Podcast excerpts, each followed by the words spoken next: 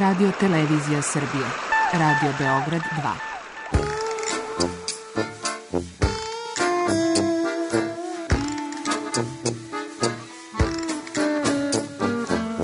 Rekli su mi, gospodine, vi ste promašili temu. Pa ja sam onda promašio život.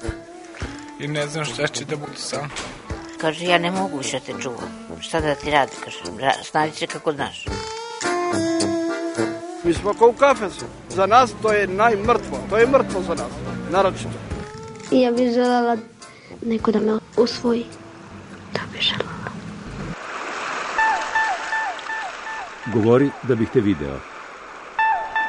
Program dokumentarnog zvuka.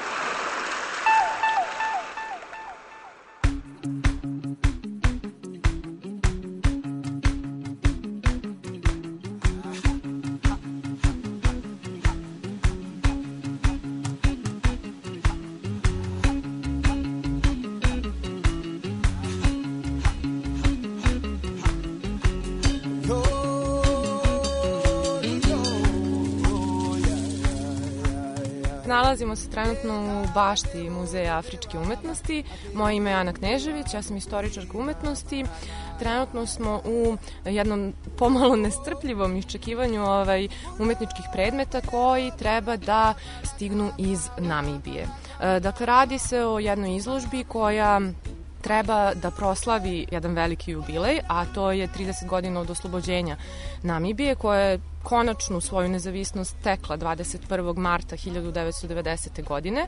Mi smo naravno imali ideju u saradnji sa Nacionalnom umetničkom galerijom e, Namibije da početkom ove godine, odnosno u martu, predstavimo tu izložbu i našoj javnosti, međutim, e, zbog pandemije koronavirusa izložba je pomerena za ovaj period i nadamo se u stvari da će ti radovi uskoro stići u naš grad i da ćemo biti u prilici da predstavimo kako savremenu umetničku namibijsku scenu našoj javnosti, tako i tu veliku priču o oslobođenju Namibije, ali naravno i o pogledu umetnika na čitav period nakon oslobođenja, što znači e, u prethodnih 30 godina.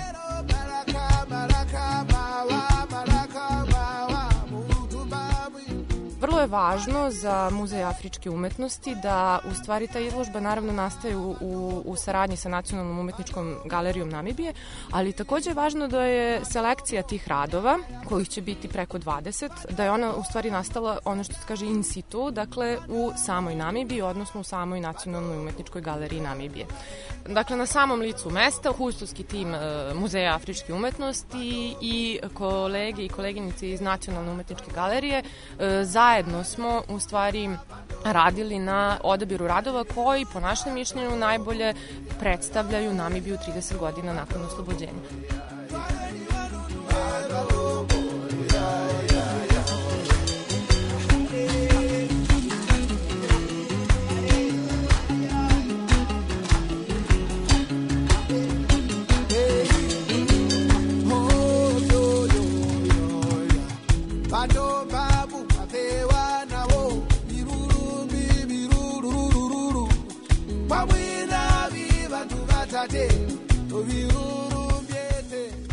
U istoriji recimo izložbenih aktivnosti Muzeja afričke umetnosti e, prvi put će biti izložena priča o Namibiji.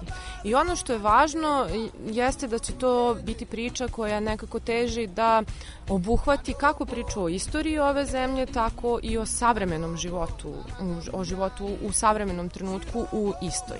E sad, koja je to, da kažemo, e, istorija ove zemlje? Pre svega kada govorimo o Namibiji nije loše spomenuti da se ona zvala je jugozapadna Afrika i da je zapravo s kraja 19. veka postala nemačka kolonija.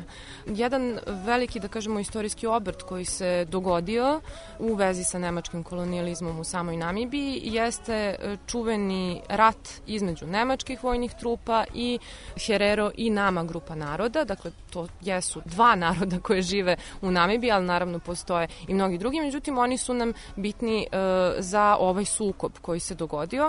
Dakle, e, to je jedan rat u kome su se e, pripadnici Herero naroda pobunili protiv e, nemačkih kolonijalnih zahteva. Neki od njih jesu podrazumevali oduzimanje zemlje, oduzimanje imanja, svakako jednu nemilu kolonijalnu situaciju i nakon tog rata koji se danas smatra zapravo prvim genocidom 20. veka.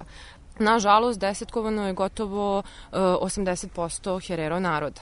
Jedna od, e, recimo, aktualnih priča koje se tiču svih muzeja koje, koji se bave van evropskim kulturama, to jeste priča o restituciji, tako da proizvod tog istorijskog događaja i jesu, na primer, savremene e, nemačko-namibijske rasprave koje se vode i povodom toga, I naravno e, ta tema biće prisutna na primer i na našoj izložbi kroz e, umetničke radove, ali smo imale prilike da i u samoj Namibiji u stvari čujemo kako njihovo mišljenje, ali tako i različite istraživače koji se bave tom ranjivom temom, tom teškom temom i koji u stvari sada pokušavaju da naravno uvedu taj događaj u namibijsku kulturu sećanja ali i da nekako govore o tome na korektan način.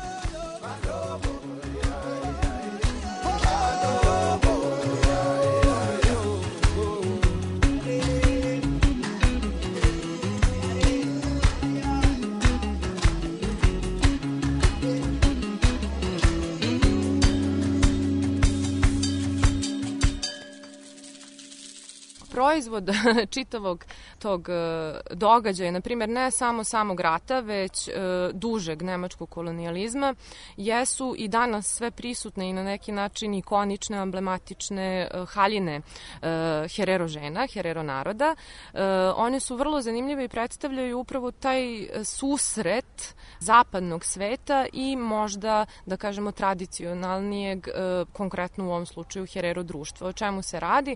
Supruge nemačkih misionara želele su da nametnu viktorijansku modu eh, Herero ženama i zapravo Herero žene su prihvatile te duge viktorijanske haljine, međutim one su ih izmenile kako po, da kažemo, svom ukusu, tako i s namerom u neku, sa nekom vrstom modnog revolta, modnog bunta. Eh, pre svega haljinama su dodale naravno drugu vrstu dezena, više boja i neke podsuknje i tako detalje u samoj haljini, ali ono što je najbitnije za uh, haljine Herero žena koje se zovu ohorokova i to na njihovom jeziku znači duga haljina. One jesu zapravo uvek duge, ali ono što ih potpuno razlikuje i danas daje, da kažemo, posebnu prepoznatljivost ovaj, samoj haljini kao nekoj vrsti amblema Namibije jeste šešir.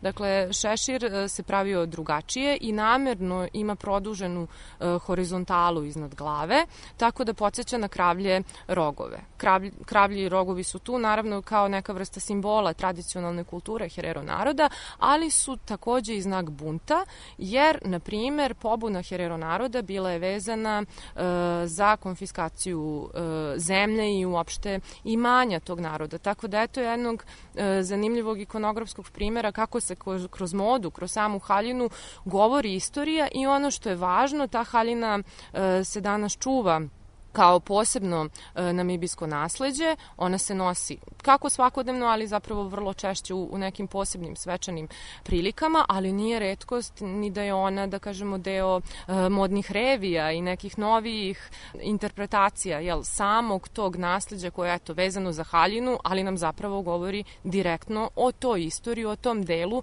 koji je vezan za namibijski kolonijalizam.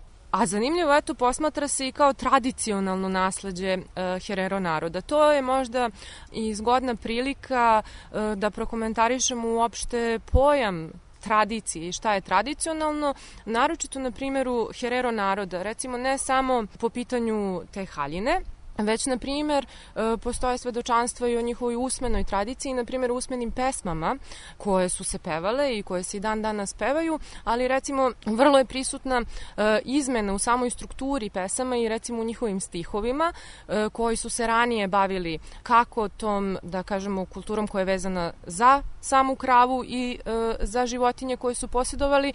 Danas, na primjer, te pesme i, i dalje se smatraju tradicionalnima, ali one u sebi imaju stihove koje opet sadrže pomen na taj rat, na taj sukob, na u stvari samu borbu e, Herero naroda, tako da eto ta, ta tradicija je na, na, na taj način danas obojena. Zapadna imaginacija um, zamišlja da u stvari se tu može naći neko takozvano autentično društvo, ali problem je u tome što to implicira da je to uvek društvo zaspalo u vremenu, da je negde zastalo u nekom vremenu koje mi zamišljamo. Međutim, to u realnosti uopšte nije tako. Ta zapadna jel, očekivanja i zapadna imaginacija jesu pre svega vezani, to su one te ključne reči, e, za pleme, za ritual, za egzotiku, e, ne znam, bubnjeve kao asocijaciju broj 1, e, često kada se o tome unapred misli, treba imati na umu da to zaista jeste jedna imaginarna situacija. U samoj realnosti e, taj susret uopšte ne aludira, da kažemo, na tu priču, na tu situaciju. Naprotiv, situacija je potpuno drugačija. Savremeni trenutak, jel, 2020. godina, 21 21. vek je takođe 21. vek i u Namibiji.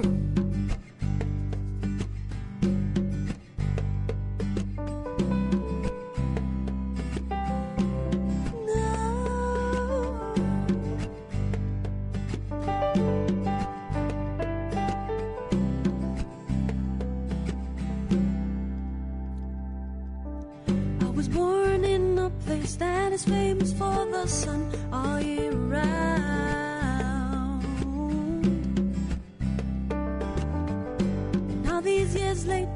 I'm surprised at all the rain that's falling down.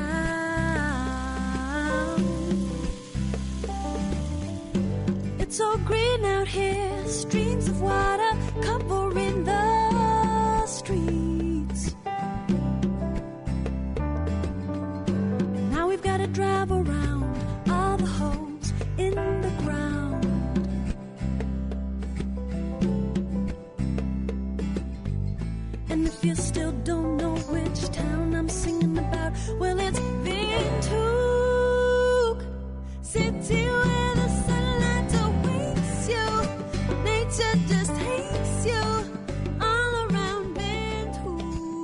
Nemački kolonijalizam se nakon Prvog svetskog rata zapravo prestao jednostavno da postoji zvanično kao sistem u samoj Namibiji, međutim nakon toga nastupa takozvani južnoafrički režim i surova politika apartheida u ovoj zemlji.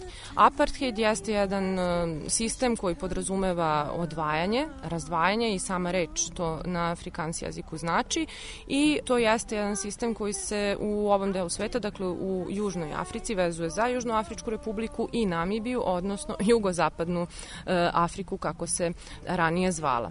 Zbog tog sistema nastala je katutura krajem 50-ih, početkom 60-ih godina 20. veka. Dakle, to je jedan deo grada koji e, se tada poimao kao potpuno odvojen deo grada sa takozvane stare lokacije, odnosno jel, sada tog središta Vindhuka, centra grada gde smo mi bili.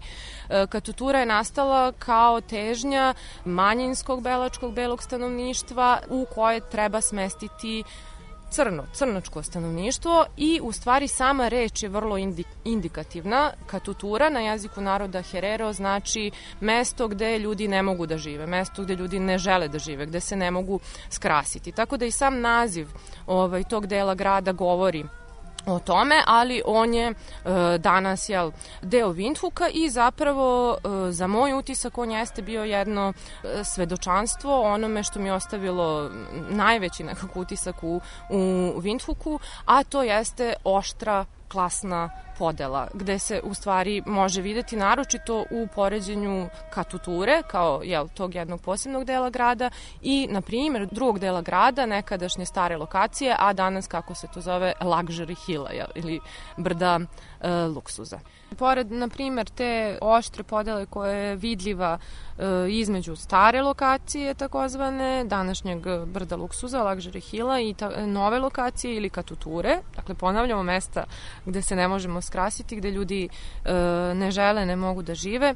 U stvari, on, nju je moguće videti i e, na osnovu kapija i ograda stambenih objekata, stambenih kuća, gde, e, nažalost, nije bila redkost videti bodljikave žice, na primer, što u stvari, kao i mnog, mnogi drugi primjeri, kako u arhitekturi, kako u umetnosti, načinu života i tako dalje, zapravo govori o tom pitanju koje su i umetnici ponavljali, a to je šta je zapravo sloboda i šta je ekonomska sloboda i da li smo uh, zaista po, pobedili. Tako da Um, moj utisak um, na mene u stvari je najveći utisak ostavilo uh, upravo to jer ja sam osetila malu nelagodnost da kažemo uh, povodom upravo slika tih kapija i ograda jer mi je to nekako značilo i, osta i ostavilo utisak da uh, se običan čovek, obični ljudi zapravo i dalje nalaze sa druge strane. Neki bi um, ljudi aludirali na to da apartheid možda i dalje traje, na YouTube-u nisu redki snimci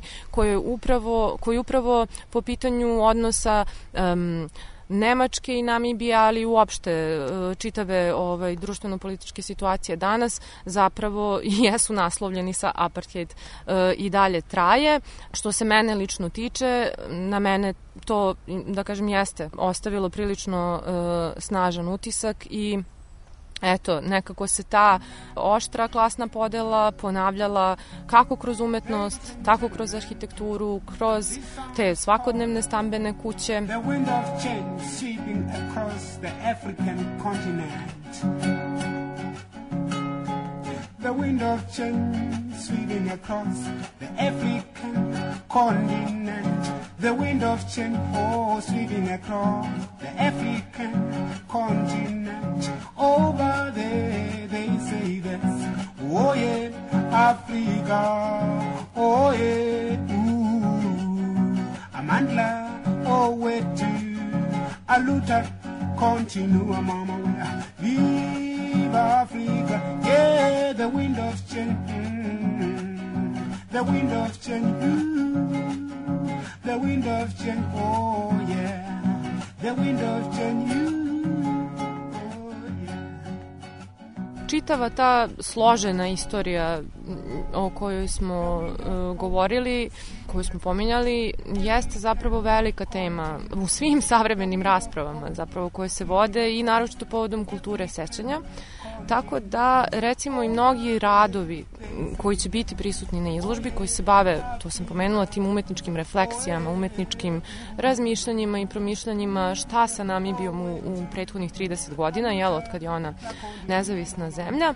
Tako da, zapravo kao najvažnija tema nekako izranja upravo ta potreba za preispitivanjem istorije i kulture sećanja, odnosno politike e, sećanja, jer u stvari govorimo o pa gotovo čitavom veku potlačenosti koja se tiče pre svega nemačkog kolonijalizma i politike apartheida i južnoafričkog režima. Tako da to su teme ovaj, koje su vrlo kompleksne, vrlo složene i koje će se, na primer, kroz radove u samoj, na samoj izložbi ovaj, videti na različite načine, ali evo, pada mi na pamet i to se može recimo vezati i za uh, samu istoriju, istoriju muzike u Namibiji.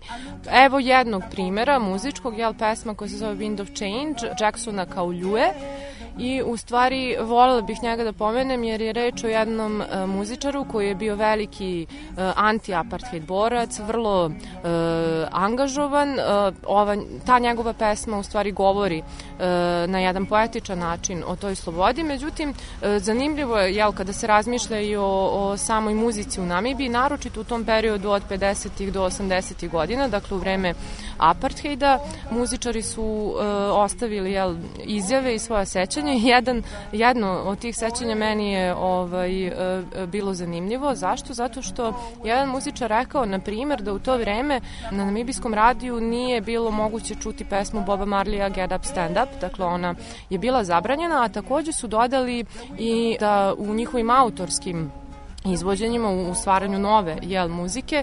E, bile su cenzurisane pesme koje su pominjale reč free ili freedom, dakle slobodu ili slobodan. E, to sve govorim iz m, izvora koji se vezuju, na primjer, za jednu izložbu koja se dogodila u Berlinu i ta izložba se bavila e, upravo tom ne, neizrečenom, jer, jel, untold, neizrečenom istorijom namibijske muzike, u kojoj se eto takođe u stvari na sličan način kao što će to biti i e, na Beogradskoj izložbi Reflect, Namibija 30 godina nakon oslobođenja, dakle preispituju e, i promišljaju iste teme koje se direktno tiču namibijske istorije i današnje kulture sećanja u toj zemlji.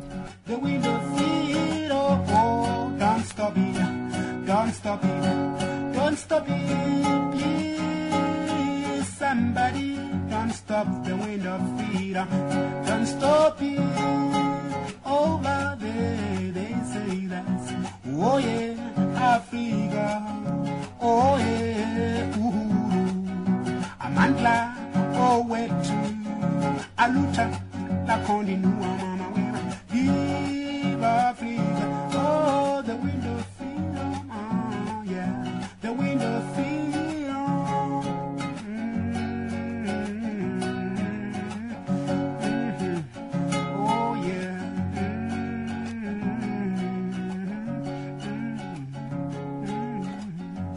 Posetile smo Memorialni muzej nezavisnosti, koji jeste jedan muzej koji govori o čitavoj toj istoriji Namibije, ali, na primer, taj muzej u kome smo bile e, otvoren je 2012. godine Ali ono što je za njega specifično jeste da je on u potpunosti izvedba jedne severnokorejske e, firme koja se bavi izgradnjom kako arhitektonskih zdanja, tako i spomenika u Namibiji, ali i u još nekim drugim afričkim državama. Tako da to jeste jedan deo grada koji sada izgleda potpuno drugačije od ostatka grada, a opet on je pored, da kažemo, i jednog nemačkog zdanja, to je ta nemačka luteranska crkva mira. Konkretno kada recimo govorimo o, samoj izložbi, Reflect i o nekom radu koji bismo mogli da izdvojimo, ja bih recimo izdvojila jednu dosta ikoničnu sliku ulje na platnu koja se zove nosačica drva za potpalu i u stvari taj je umetnik predstavio onako monumentalno jednu žensku figuru, e, ženski portret nosačice drva za potpalu, dakle žene koja na svojim ramenima nosi ta drva za potpalu, a nasuprot njoj e, namerno je smanjio, unizio, da kažemo, e, arhitekturu današnjeg namibijskog State House-a, koji je u stvari takođe jedna severnokorejska izvedba, dakle jedan od tih primera arhitektonskih e, rešenja koje ta severnokorejska firma radi i realizuje u Namibiji. Dakle, s namerom je umetnik umanjio i na neki način unizio uh, upravo tu uh, stravičnu, ja bih rekla, uh, monumentalnu arhitектuru. Jedan od njihovih arhitekata uh, je rekao da su te građevine, kako je rekao, deluzivne u svojoj uh, grandioznosti i ono što je bitno, umetnik je u svom statementu povodom te slike rekao uh, arhitektura je svedena na neljudsku mrlju. Uh, vrlo verovatno da je mislio kad govorimo o mrlji, možda je malo aludirao e, i na samo slikarstvo, ali je verovatno s namerom e, iskoristio upravo e, tu reč i e, taj pridev neljudska u stvari e, možda jeste nešto što se vezuje za konkretno, da kažemo, taj sloj grada ili arhitekture koji je danas prisutan u Windhoeku, jer nije bila redkost uh, kada, kada smo razgovarali sa kolegama iz Nacionalne umetničke uh, galerije Namibije da nam kažu da, da ta zgrada ili, na primer, me, zgrada Memorialnog uh, muzeja nezavisnosti i jeste nešto što nije toliko ljudima otvoreno, odnosno običnom narodu, da nije, kako bismo rekli, friendly prema njima e, na taj način. Tako da to jesu ti kritički komentari na, u ovom slučaju, eto, situaciju koja se tiče same izgradnje grada, ali javnih spomenika, to jeste velika tema svuda, pa i u Windhoeku i u Namibiji i to jeste jedna slika, da kažemo, e, te čitave e, društveno-političke situacije u kojoj se danas Namibijci nalaze. Tako da, eto, na primjer, taj rad vrlo ikonično govori i slavi nekako tu e, borbu običnih ljudi, običnog naroda za svakodnevni život i preživljavanje.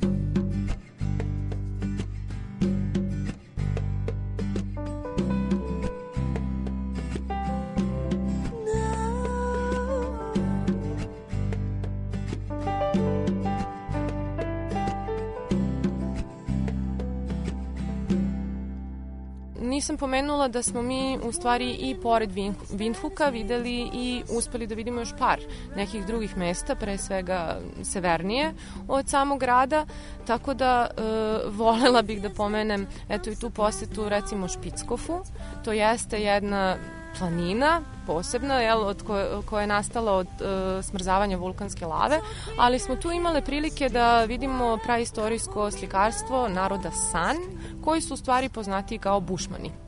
I nije, eto, zgoreg pomenuti, govorili smo do sada o Herero narodu, e, pomenuli smo, ne znam da li sam pomenula o Vambo narod, takođe ovaj, još jedan namibijski narod, a što se tiče naroda San i njihove umetnosti, e, i to je takođe jedna e, velika tema u e, savremenoj namibijskoj umetničkoj sceni, e, jer se u stvari e, njihov specifični umetnički izraz danas posmatra e, i u stvari teži se e, prepoznavanju jel, e, tog samog izraza i nama je e, vrlo drago što ćemo u stvari na našoj izložbi pored brojnih radova koji su većinski slike i grafike imati i jednu žičanu skulpturu jednog san umetnika. Tako da eto to je i to je na primjer ostavilo veliki utisak na mene, dakle taj Špickov i praistorijsko slikarstvo koje smo videli, a posebno nam je drago bilo kada smo ovaj saznale da je upravo ta planina, taj ambijent koji zaista izgleda e, fenomenalno i generalno priroda Namibije je vrlo impresivna,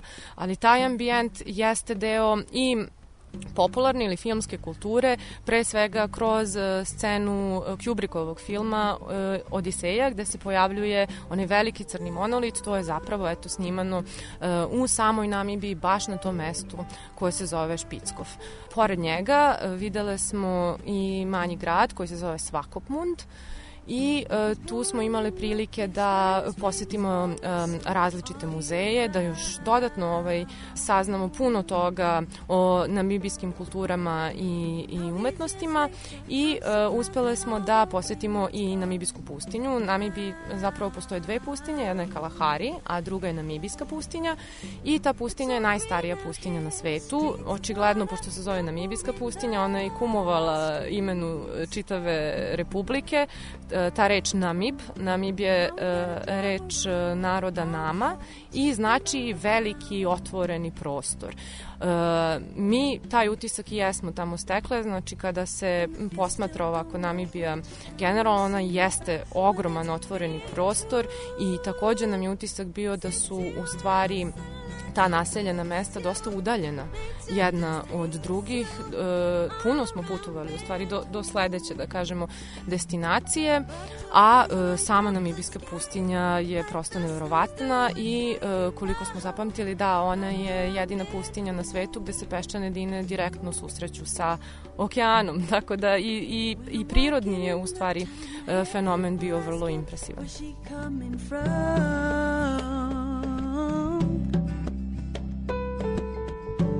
My necklace, I'm out and proud. I say I'm Ovambo.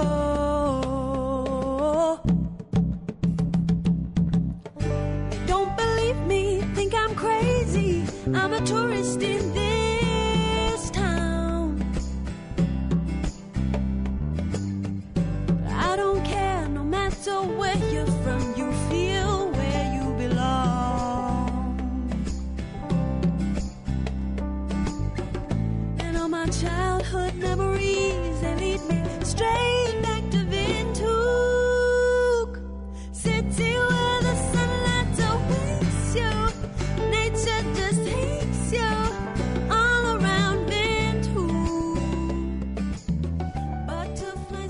reportaži govorila Ana Knežević, kustos Muzeja afričke umetnosti. Ton majstor Srđan Stojiljković, autor Milena Radić.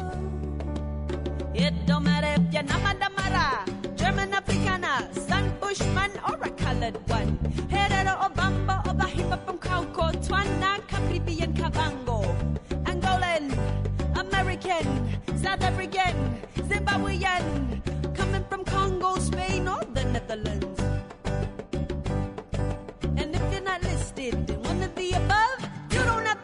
to spread love.